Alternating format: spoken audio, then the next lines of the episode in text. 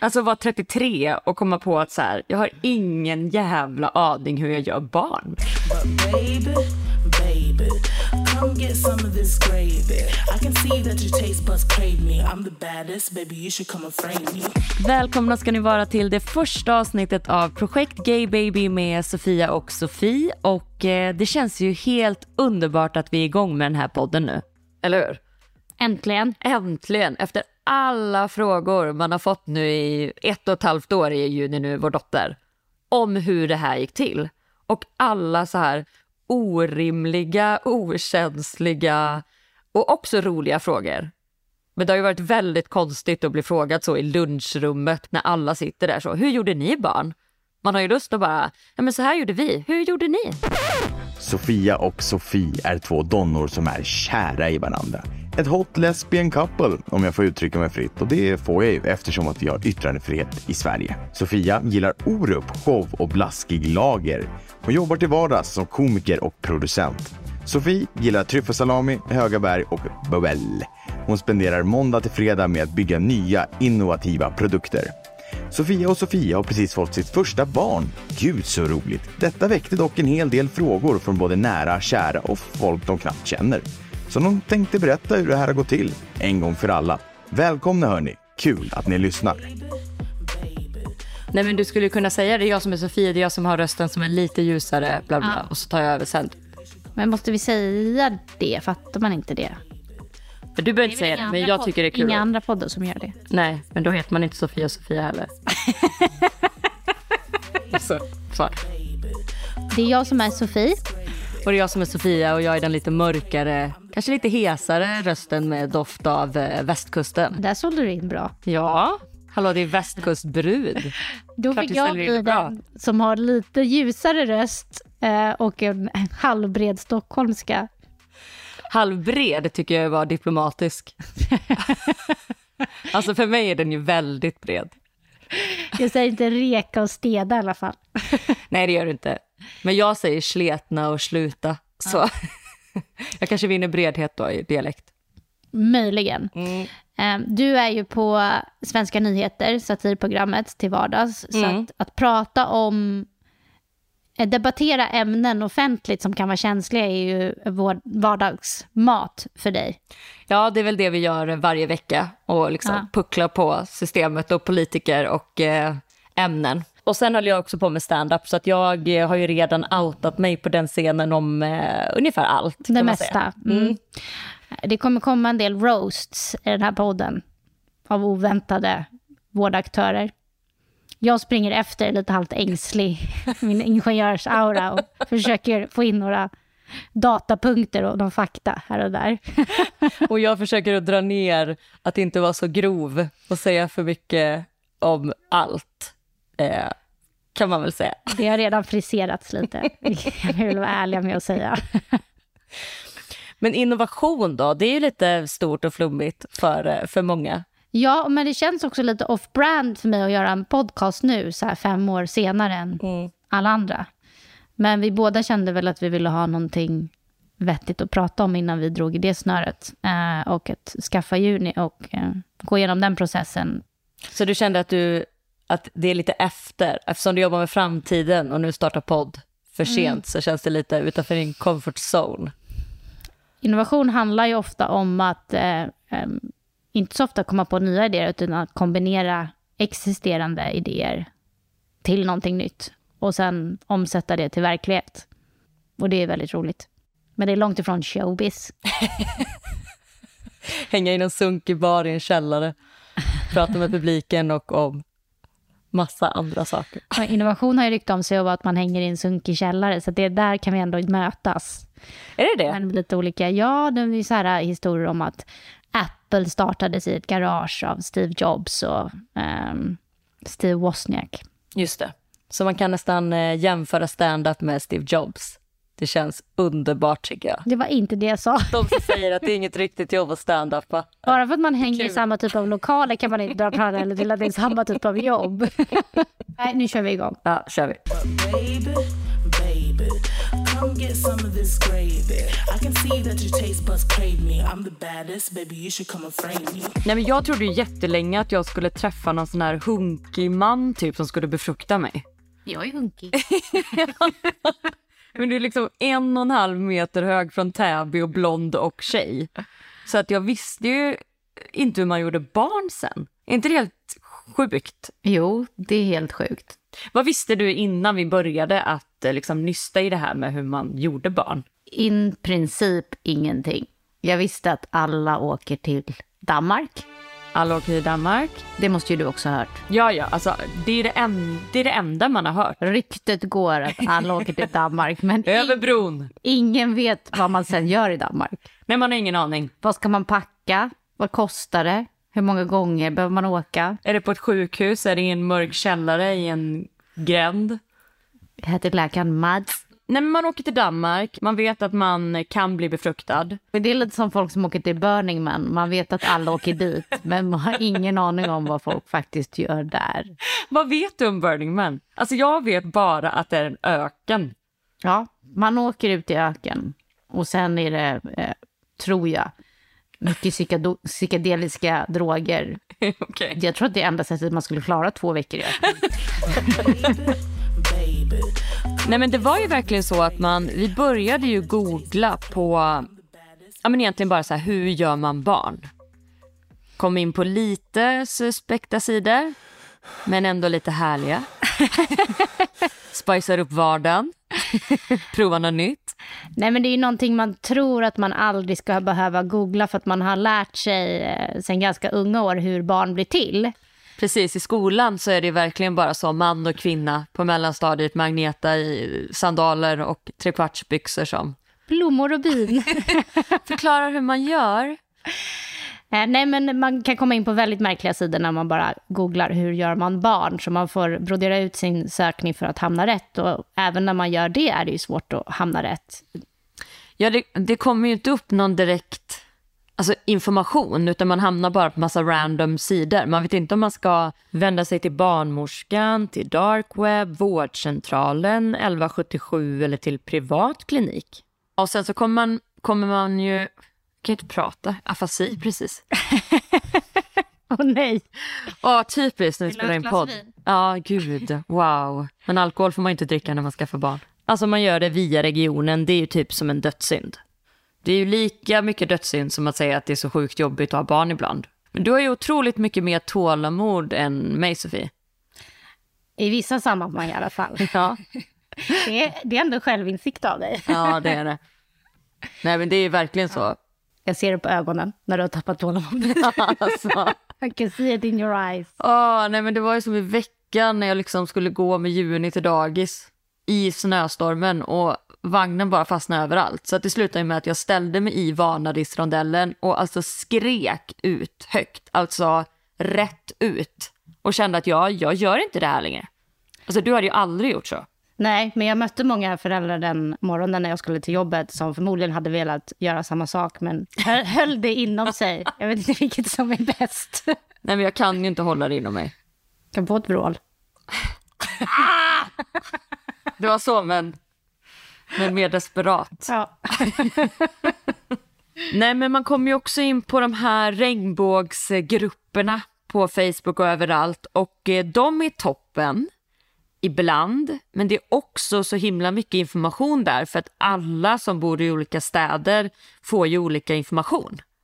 Så att man kan egentligen inte få ut hur man själv ska göra på de sidorna, så det är också bara förvirrande. Verkligen. Och så här i efterhand har vi lärt oss att det här sker på regional nivå. Så det finns ingen nationell riktlinje för... Riktlinje finns kanske, men det finns inget tillvägagångssätt som är one size fits all för alla svenska medborgare. Det är inte riktlinjemissionären, Nej. stå på huvudet efter. Det får man inte. Ät dina vitaminer. Vi hade ju inte heller någon som vi kunde ringa och fråga. Nej, det var ju inte precis Vem vill bli miljonär? Livlina ring en vän. Exakt. Nej, men den fanns ju inte för oss. Vi var ju liksom de första i vårt gäng nästan som överhuvudtaget skaffade barn. Ja. Och eh, vi hade inte dejtat så mycket tjejer, varken du eller jag. Så att vi var ju liksom newbies på, på allt. Annars kanske man hade sökt lite mer info när man var, liksom var yngre. Så här, går det att skaffa barn som två tjejer? Ett poddtips från Podplay. I fallen jag aldrig glömmer djupdyker Hasse Aro i arbetet bakom några av Sveriges mest uppseendeväckande brottsutredningar. Går vi in med hemlig telefonavlyssning och, och då upplever vi att vi får en total förändring av hans beteende. Vad är det som händer nu? Vem är det som läcker? Och så säger han att jag är kriminell, jag har varit kriminell i hela mitt liv men att mörda ett barn, där går min gräns. Nya säsongen av Fallen jag aldrig glömmer på Podplay. Vi hörde ju också innan vi började processen att det är extremt långa köer för att få starta projekt Gay Baby. Det är nästan svårare än att komma in på Berghain i Berlin, den kända nattklubben. Där man måste se ut som Courtney Love för att ens ha en chans. Jag har ju aldrig varit där, men du har ju det. Ja, eller jag har ju varit utanför. Uh, vi gick med min kompis som också back in the day såg ganska ung ut och det var på vintern och vi hade på oss liksom dunjacka, eh, vantar, mössa. Vi såg ut som två dagisbarn som skulle ut och leka i snön.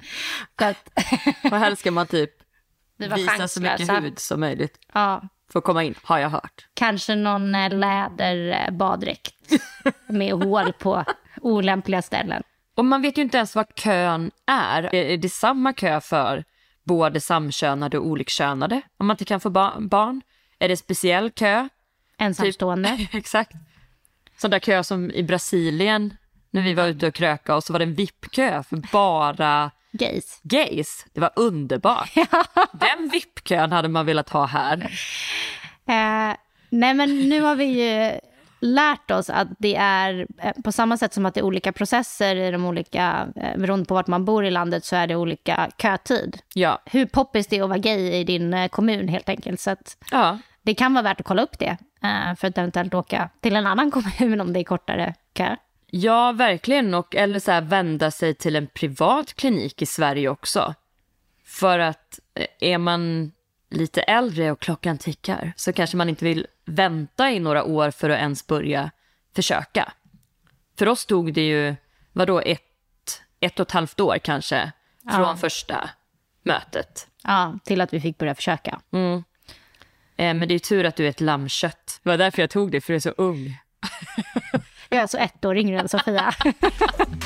Ja, men det, det är ändå ett år. Det är ändå ett år. Ja. Så vi tog ju egentligen första bästa klinik. Ja, vi hade ju hört om att man kunde åka till Hornstull. Det var ju också väldigt, väldigt flummigt. Det Hornstull känns- är ju en del i Stockholm på Söder. Ja, och det känns närmare än Danmark. Ja, det gör det liksom.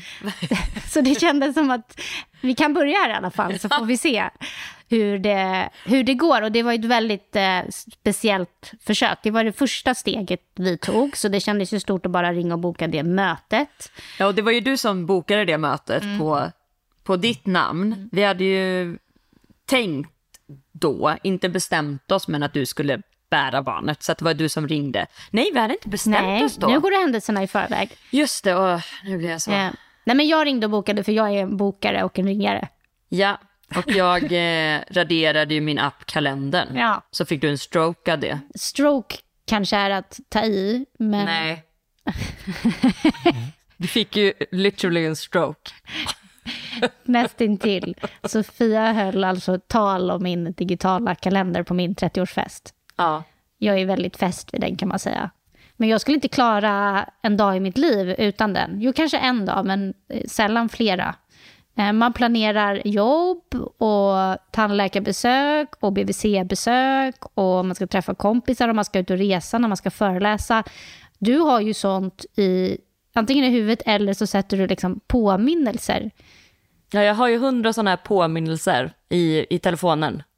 Och så sätter jag en tid och så har jag typ 18 på samma tid och så blir det jätterörigt. Men jag har ju faktiskt det mesta i huvudet. Det är ju inte eh, liksom Hur går det ofta. för dig känner du? Det går väl jättebra. Jag har väl inte missat någon BVC-tid eller någon tandläkartid. Kanske Det någon. finns en anledning till att det finns fler som är i team digital kalender än de som är i team påminnelse fast den används som en kalender. Okej, men vill du bli som de där i vuxna människor i den serien? som bara lever efter sin En kalender. gemensam kalender. Det var ett litet bakslag för oss kalendermänniskor. Fram... Ja, det var det faktiskt. porträtterades inte så jättebra. Nej, jag fick ingen stroke, men det stressade mig något extremt att du raderade den när jag hade lagt in massa grejer. Ja, jag tror att det är tvärtom för mig. Kollar jag i min kalender och det är sådana prickar överallt så känner jag herregud, har jag ingen eh, tid ledig? Ja, det här är vattendelar. Nej, men vi dök i alla fall båda upp i en liten dörr på hörnet någonstans där i Hornstull med en, en liten reception och en dam som ser mycket frågande ut när Sofia är med. Det såg ut som en liten sån kriminell dörr, som Ja. en, ett massageställe där man Ja. har annan verksamhet. Ungefär den känslan fick man också. Inget ont mot den mottagningen, men det var inte det vi hade väntat oss att vi skulle möta. Men hon, receptionisten var ju väldigt frågande till varför du ens var med. Ja, hon tyckte att det var helt... eh, ja, hon förstod ingenting. Ja. Och sen när vi väl kom in till den här läkaren, det var en sån här sk- skön snubbe fast eh, 55. Så kanske mer, vad kallas man då? Jag vet inte. Skön snubbe egentligen sån Telenor-kille på 22 i keps. Skitsamma. Eh, och han var ju verkligen sådär, ja men, eh, ja men det är ju ganska lång kö för det här, men jag känner ju en eh, kompis i Falun. Ni kanske kan eh, åka dit? Och då ringer han ju på högtalartelefon till sin kompis i Falun och bara, men jag har två brudar här, de vill skaffa barn, kanske kan du fixa någon köplats till dem? Alltså det var så konstigt. Det, det kändes inte helt seriöst. Han var lite hasslig. Ja. Skulle ringa upp till sin polare i Gävle och kolla om de hade lite sperma på lager. Han kunde lägga undan den till oss och vi kunde köra upp och så var det en done deal. Men du sa ju Gävle nu, var det inte Falun som han rekommenderade? Men jag vet inte.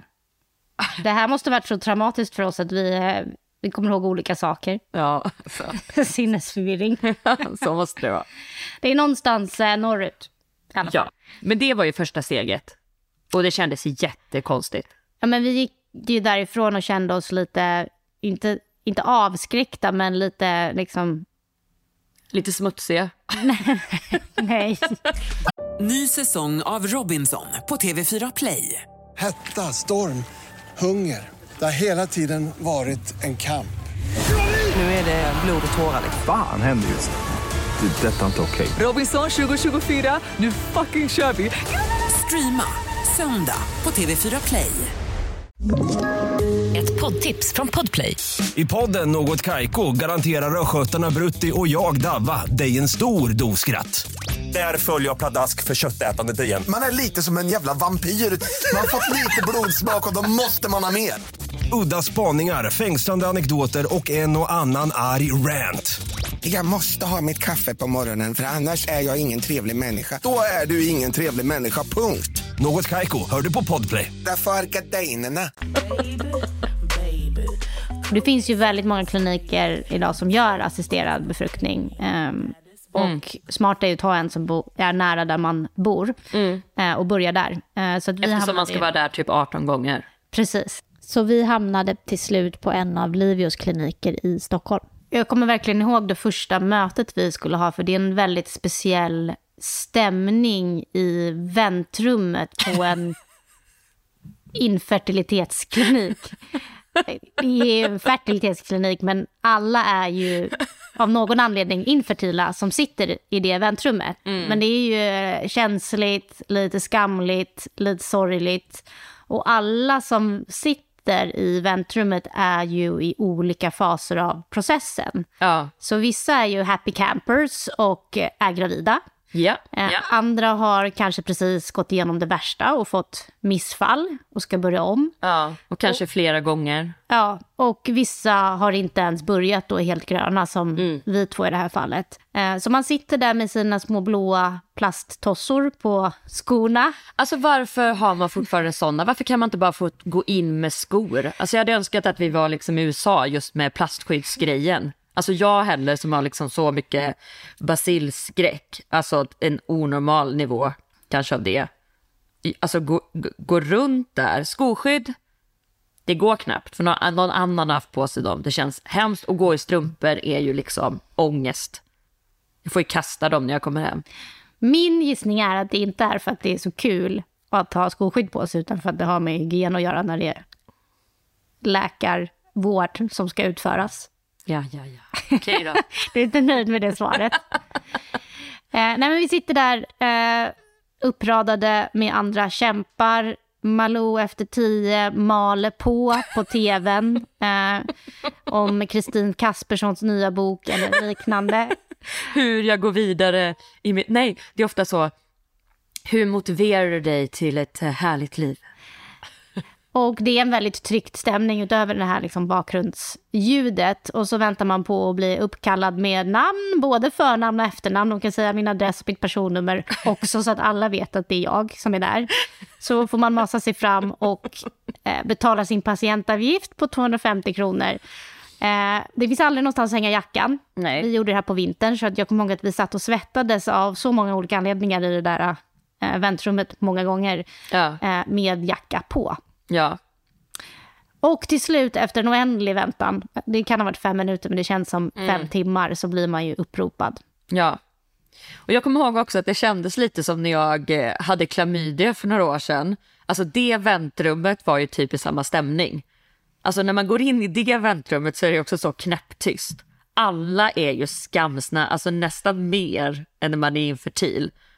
Och du vet, man får ju liksom, det första man får är en sån här blankett som man ska fylla i. Och det är ju liksom så här namn, man bara, ja, Sofia Nordin så här. Ha, vill du behandlas för klamydia? Man bara, ja, gärna. Ja, det var inte att du skulle testa dig för klamydia, du skulle behandlas. Ja, och sen tredje frågan är så här, har du haft sex inom det närmsta året? Man bara, ja tack gode gud för att jag har haft det. Och där är det ju tryckt stämning. Så att det är lite så i, i linje med Malou efter tio och klamydiakliniken. Ja. Ja, men då har du ändå haft någonting härligt och så får du liksom betala, förhoppningsvis i alla fall. Och så får du betala ett pris för det. Här liksom... Här sitter du ändå. ja, utan härligheter. Ja, det är inte direkt självförvållat på samma sätt. Vi hörde ju också ganska mycket olika saker om vad det här kalaset skulle kosta. Alltså kalaset att, eh, Att göra barn. att göra barn. I Sverige så får man ett barn finansierat av staten. Men vill man ha syskon eller göra syskonförsök så får man punga ut själv. Beroende på vilken ålder man är så får man ju sex inseminationer.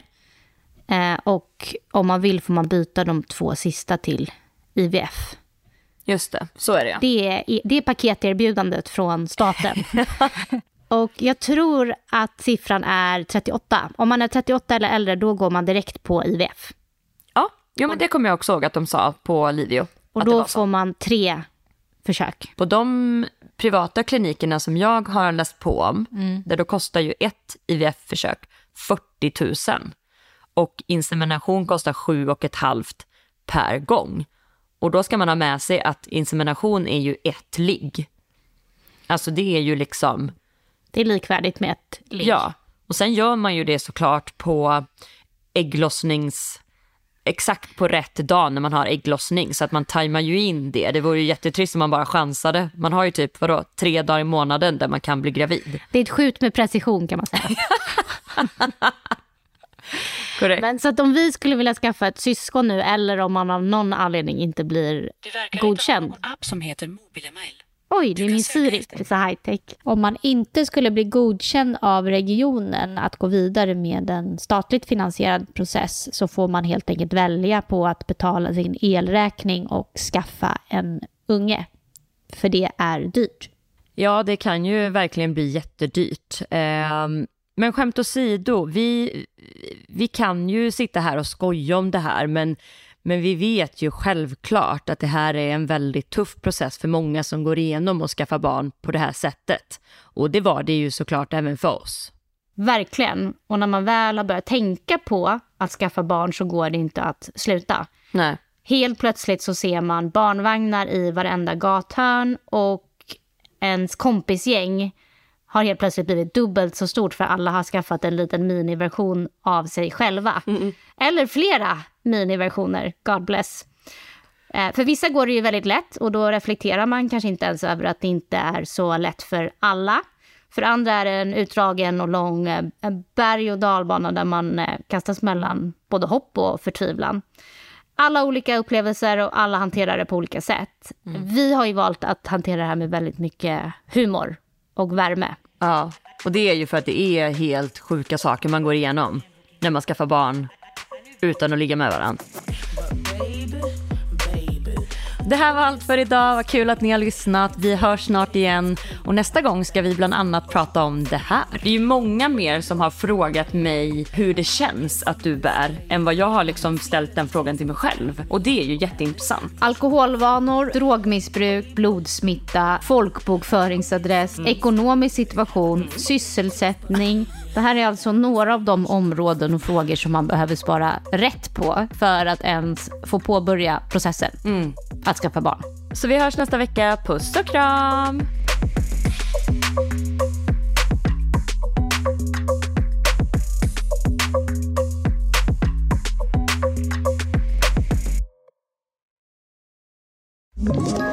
Ett poddtips från Podplay. I fallen jag aldrig glömmer djupdyker Hasse Aro i arbetet bakom några av Sveriges mest uppseendeväckande brottsutredningar. Går vi in med hemlig telefonavlyssning och, och då upplever vi att vi får en total förändring av hans beteende. Vad är det som händer nu? Vem är det som läcker? Och så säger han att jag är kriminell, jag har varit kriminell i hela mitt liv men att mörda ett barn, där går min gräns. Nya säsongen av Fallen jag aldrig glömmer på Podplay.